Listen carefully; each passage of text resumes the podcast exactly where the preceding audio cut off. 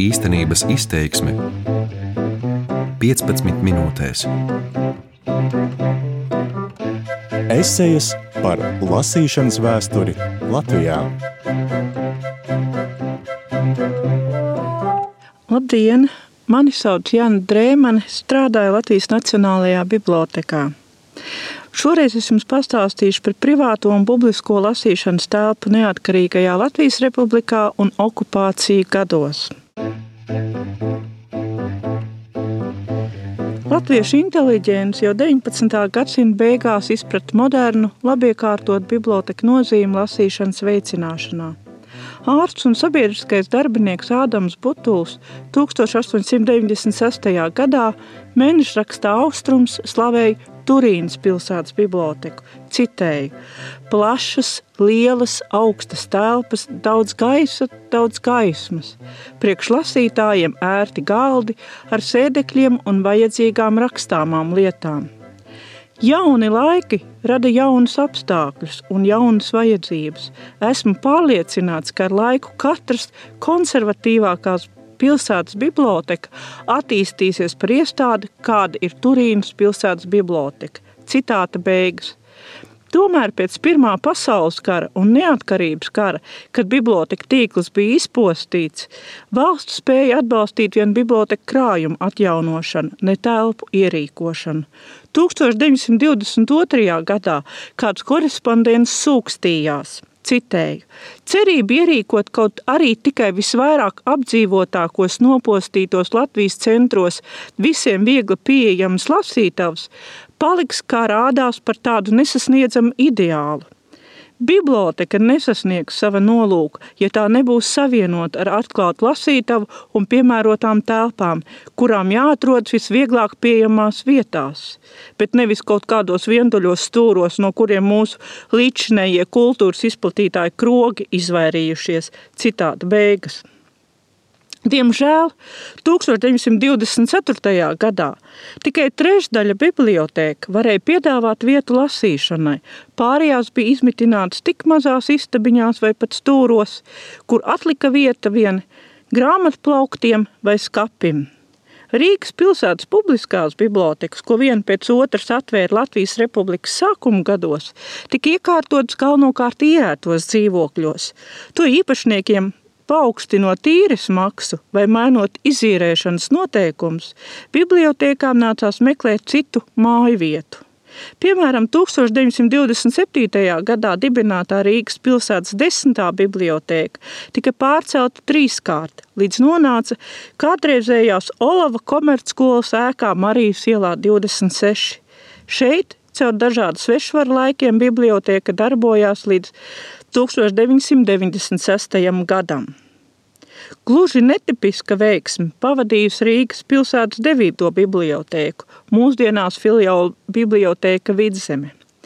Tūlīt pēc dibināšanas 1926. gadā pilsētai nopirka un izremontēja atsevišķu ēku, kurai vēlāk tika paaugstināts otrais stāvs un uzcelta mūra piebūve. 21. gadsimta sākumā bibliotēkas nams rekonstruēts. Romantiskā divstā koka ēka ar gleznu koka balkoniņu un ziedu kastēm pie logiem itin kā pavada katru, kurš šķērso vefu tiltu, un ir viena no skaistākajām biblioteka ēkām Latvijā.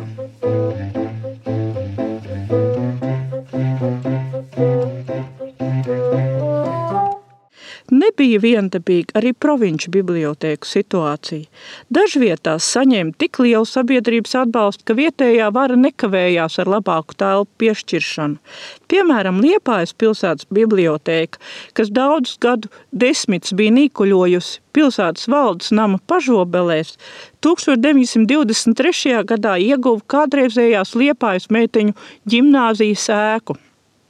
Tā atradās centrā, ērti pieejamā vietā. 1937. gadā uz plašu bibliotēkas vajadzībām pielāgotu trīsstāvu namu pārcēlās Jālgavas pilsētas bibliotēka. Tajā pietika vietas ne tikai krātuvēm, lasītavām, bet arī darbinieku kabinetiem, kas citur bija nesasniedzama greznība. Divus gadus vēlāk Pārbūvētās, ērtās telpās darbu uzsāka Daugopils bibliotēka. Iedzīvotāji varēja priecāties ne tikai par nama plašumu, jaunizdevumu pilniem plauktiem, bet arī latviešu un citautu rakstniecības stūrīti, kura ekspozīcija tika mainīta atbilstoši svarīgākajām literārajām norisēm pilsētā. Citur bibliotēku stāvoklis nebija tik labs. Piemēram, Lūdzes pilsētas bibliotēka vairākus gadu desmitus bija izmitināta pilsētas valdes nama bēniņos. 1939. gadā radās ideja to kopā ar vietējo muzeju pārcelt uz plašākām telpām, likvidētā cietuma namu kas tolaik bija viena no nedaudzām divstāvu mūru ēkām pilsētā. Diemžēl okupācija vara pārvilka svītru šim nodomam. Grāmatu pārpildīti un uguns nedroši bija valsts bibliotēkas, tagadējās Nacionālās bibliotekas nami. Par godu valsts desmitgadēji 1928. gada valsts budžetā ministru kabinets atvēlēja ievērojams līdzekļus jaunas ēkas projektēšanai un būvniecībai. Rīgas pilsētas galvas biedrs Teodors Līventāls rosināja namu celt ar kopēju valsts un galvaspilsētas finansējumu, zem viena jumta apvienojot Rīgas zinātniskās bibliotēkas. Šai idejai viņš bija saņēmis arī izglītības ministra dzēnieka Jāņa Raiņa piekrišanu. Tomēr nec bibliotekāru sabiedrībā, nec izglītības ministrijā kuru kopš 1928. gada janvāra vadīja vēsturnieks Augusts Tentelis, Līventāla ierosinājums atbalstu neguva. Ideja gan nenogrim pilnīgā aizmirstībā, bet piedzīvoja metamorfozi 30. gadu beigās, kad izglītības ministrija apsvēra domu par valsts bibliotēkas un universitātes centrālās bibliotekas apvienošanu vienā ēkā jo abas mitinājās šaurās un nepiemērotās telpās. Arī šī iecer palikusi papīra.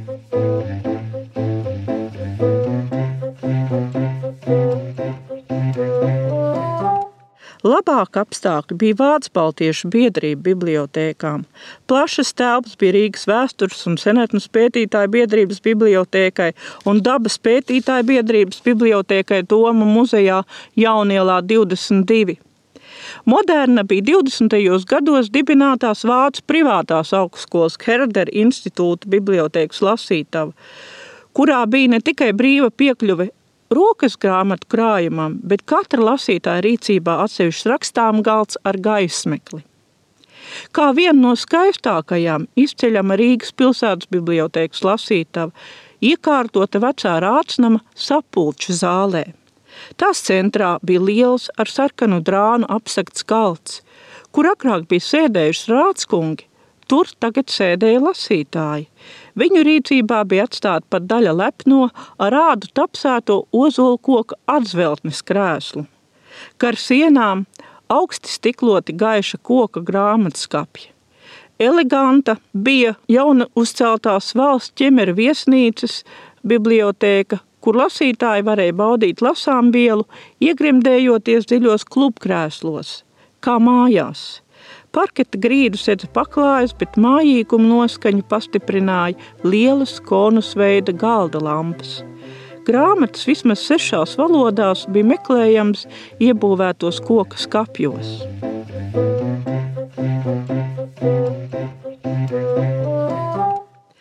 Privātās bibliotekas, gluži tāpat kā publiskās bibliotekas, atšķīrās gan pēc telpu plašuma, gan iekārtojuma. To noteica īpašnieka intereses rocība un gaume.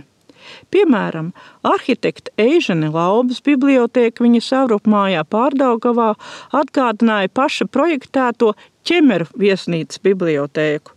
Sējumi ļoti kārtīgi, bet formātiem sarindoti iebūvētos koku skapjos ar stiklotām durvīm. Pēc nostāstiem Laubas biblioteka padomu laikā iznīcināta. Savukārt Latvijas armijas ģenerālis Werners Tepfers lepojās ar atklātiem grāmatplauktiem istabas sienu augstumā. Viņš bija pazīstams bibliofils, kura īpašumā bija ap 3000 retu grāmatu. Diemžēl liela daļa padomju laikā gājusi bojā. Daudz rakstnieku, kultūras darbinieku, piemēram, Jāņa Raiņa, Alberta Prandes, Jāņa Akurātera, Kārļa Dziļlejas, Alekša Mierlauka, grāmatplaukta vai lūza no pārpilnības.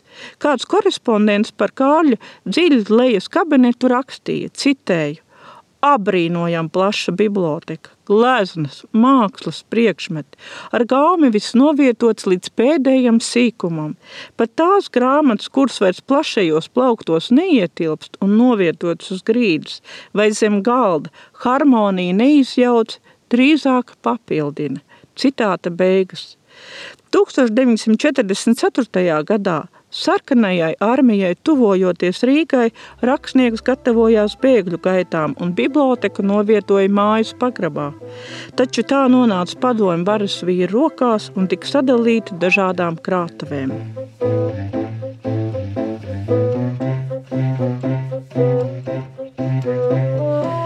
Pirmais padomju okupācijas gads - krasas pārmaiņas bibliotēku vizualitātē.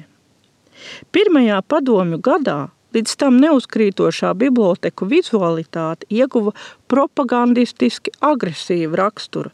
Nepietika ar spilgtiem politiskiem lozungiem uz sarkana karoga auduma.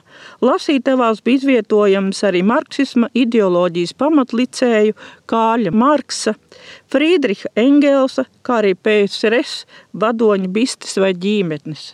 It visur bija iekārtojami sarkanie stūrīši ar padomi preses izdevumiem. Pārspīlēta propaganda tika atzinīgi vērtēta. Par Liepājas pilsētas biblioteku kādā avīzē lasāms, citēju.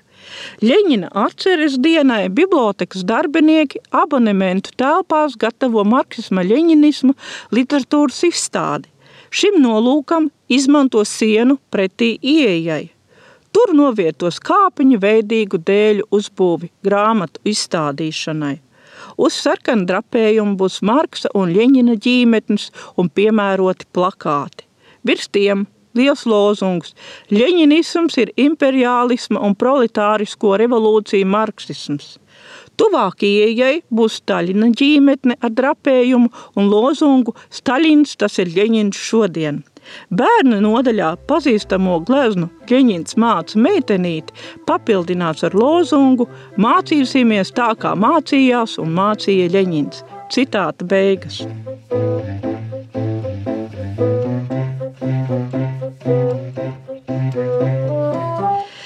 Nacistiskās okupācijas gados šaurībā, bet lasītāja mīlestības ielokā. Latvijas nonākšana otrā pasaules kara krustugunīs atnesa jaunu postu. 1941. gada 29. jūnijā Lielvācijas karaspēka un sarkanā armijas sadursmē Vecrīgā izcēlās ugunsgrēks, kurā līdz ar daudzām citām ēkām notika gandrīz visa Rīgas pilsētas bibliotēka. Izglābts vien retās grāmatas un rokraksti, ko darbinieki pirms uguns nelaimes paguva pārnest uz kādreizējo diskonta bankas sēfu pagrabā. Jūnija pēdējās dienās liesmas aprīja arī Daugopils pilsētas bibliotēku, kas tikai pirms diviem gadiem bija ieguvusi piemērotu namu. Taču nekavējoties tika atsākt jauna krājuma bēdošana, un drīz vien bibliotēka atkal varēja uzņemt lasītājus gaišās plašās telpās, divu stāvu mūra namā. Par lasītāju trūkumu nevarēja sūdzēties. Daždien apmeklētāju skaits pārsniedz pustūkstoti. Tikpat iecienīta bija Liepājas pilsētas bibliotēka Latvijas rietumos. 1943. gads bija visražīgākais tās līdzinējās darbības vēsturē. Vidēji katram liepājas iedzīvotājam bija izsniegts turpat četras grāmatas. Tomēr bibliotēka jau ilgāku laiku mājoja meiteņu skolas ēkā, kas bija kļuvusi par šauru un ērtu simt tūkstošu vienību lielajam krājumam. Okupācijas sākumā Bibliotēku vadītāji cerēja uz jaunākiem, plašākiem namiem, jo daudzas padomu laika iestādes bija likvidētas.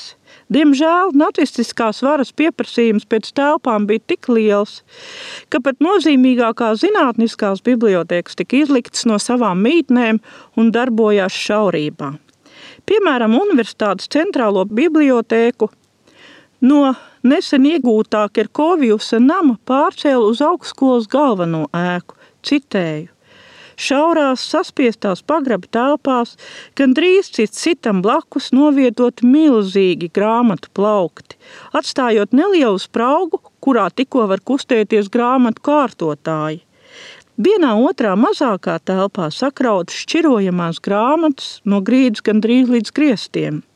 Gluži tāpat piekrauta atsevišķā noliktava, un bibliotekāram dažkārt jākļūst akrobātam, lai varētu rīkoties un iegūt vēlamos eksemplārus. Raksturota biblioteka 1944. gadā.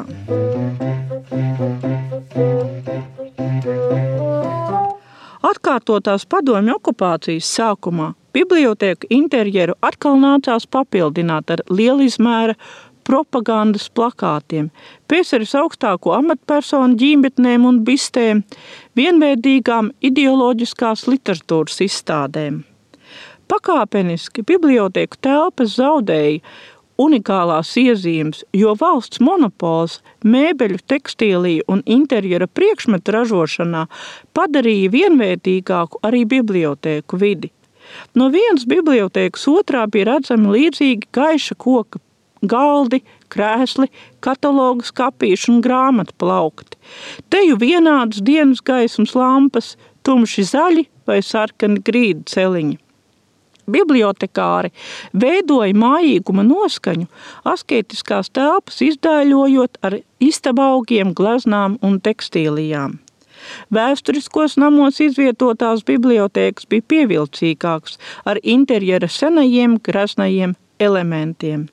Piemēram, Latvijas PSR Zinātņu akadēmijas bibliotēka lasītāju vajadzībām ieguva kādreizējo vācu saviesīgās biedrības muse deju zāli.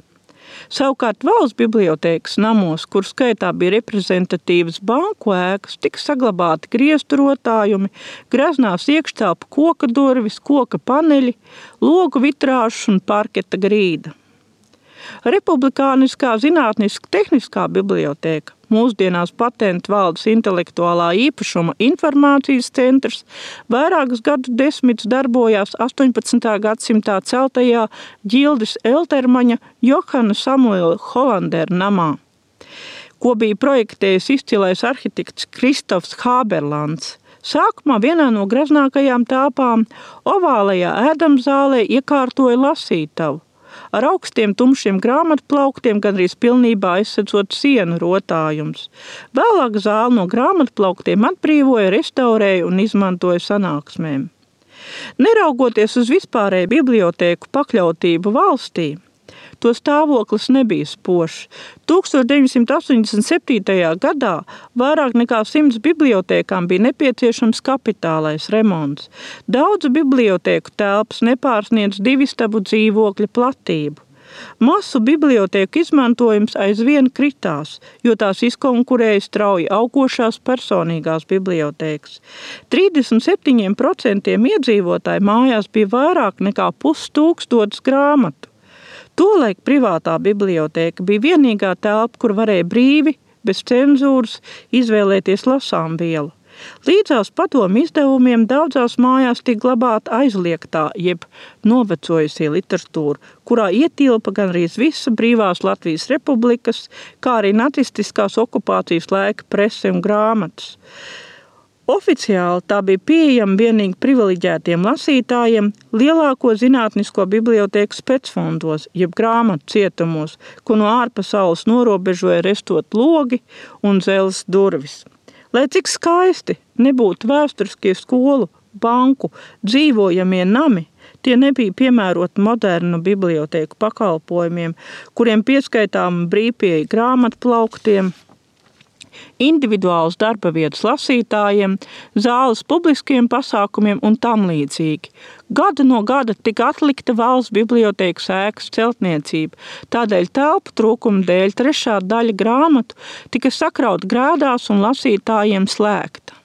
Ilgajos padomju okupāciju gados uzcēla tikai viena bibliotēkas ēka - Zinātņu akadēmijas fundamentālās bibliotekas krātuve 14 stāvu augstumā. Tomēr ne jau propagandas lozungu pārbagātība notiec bibliotēku gaisotni, bet gan bibliotekāri un lasītāji. Piemēram, Misiņu bibliotēka. Tolēk Zinātņu akadēmijas fundamentālās bibliotekas Misiņu latviešu literatūras nodaļa bija, citēju, nacionāla oāze, savējo satikšanās vieta, literāti, valodnieki, vēsturnieki, teātra, vēsturnieki un grāmatmīļi, vesela ļaužu galerija, katrs ar savām īpatnībām, prasībām, vajadzībām. Tā par bibliotekas lasītājiem rakstīja Velga Kince. Savukārt teātra vēsturniece Lilija Zene uzsvēra, citēju, šeit vispirms valda klusums, brīnišķīgi piesātinātais klusums, kur nevis iztraucē, bet vēl vairāk uzsver uzmanīgie durvju pavērieni, grāmatu vai amīžu komplektu pūkšķi uz galda, lapu pāršķiršanas švīkoņa. Te valda savstarpēja cieņa un kopēja cieņa pret grāmatu. Vai var vēl kas jaukāks būt? Pat visnervozākais cilvēks te atstāja savu drebelīgumu aiz sliekšņa, jo šajā atmosfērā, jo par ikdienišķu kļuvušais trakums nespēja izvērsties, nav kur, nav pret ko. Citāta beigas. 20. gadsimta 80. gadu otrajā pusē, mazinoties cenzūrai, sabiedrībai tika sniegta objektīva informācija par biblioteka telpu kritisko stāvokli. Sabiedrība, sevišķi inteliģents, pieprasīja tūlītēju valsts bibliotekas telpu problēmu risinājumu. 1988. gada decembrī par valsts bibliotekas projektētāju tika uzaicināts izcilais trimdes latviešu arhitekts Gunārs Birkerts, kuram bija pieredze muzeju un bibliotēku projektēšanā. Pēc 25 gadiem, 2014. gadā, durvis vēra ilgi gaidītā jaunā Latvijas Nacionālās bibliotēkas ēka. Iegūstot iedzīvotāju atbalstu ar moderniem un lasītāju pieprasītiem pakalpojumiem, mūsdienās lielākā daļa bibliotēku ieguvusi nevien funkcionāls, bet arī arhitektoniski pievilcīgas telpas. Par privāto un publisko lasīšanas telpu neatkarīgā Latvijas republikā un okupācija gados jums stāstīja Jāna Drēmane, Latvijas Nacionālās bibliotekas pētniece. Īstenības izteiksme 15 minūtēs.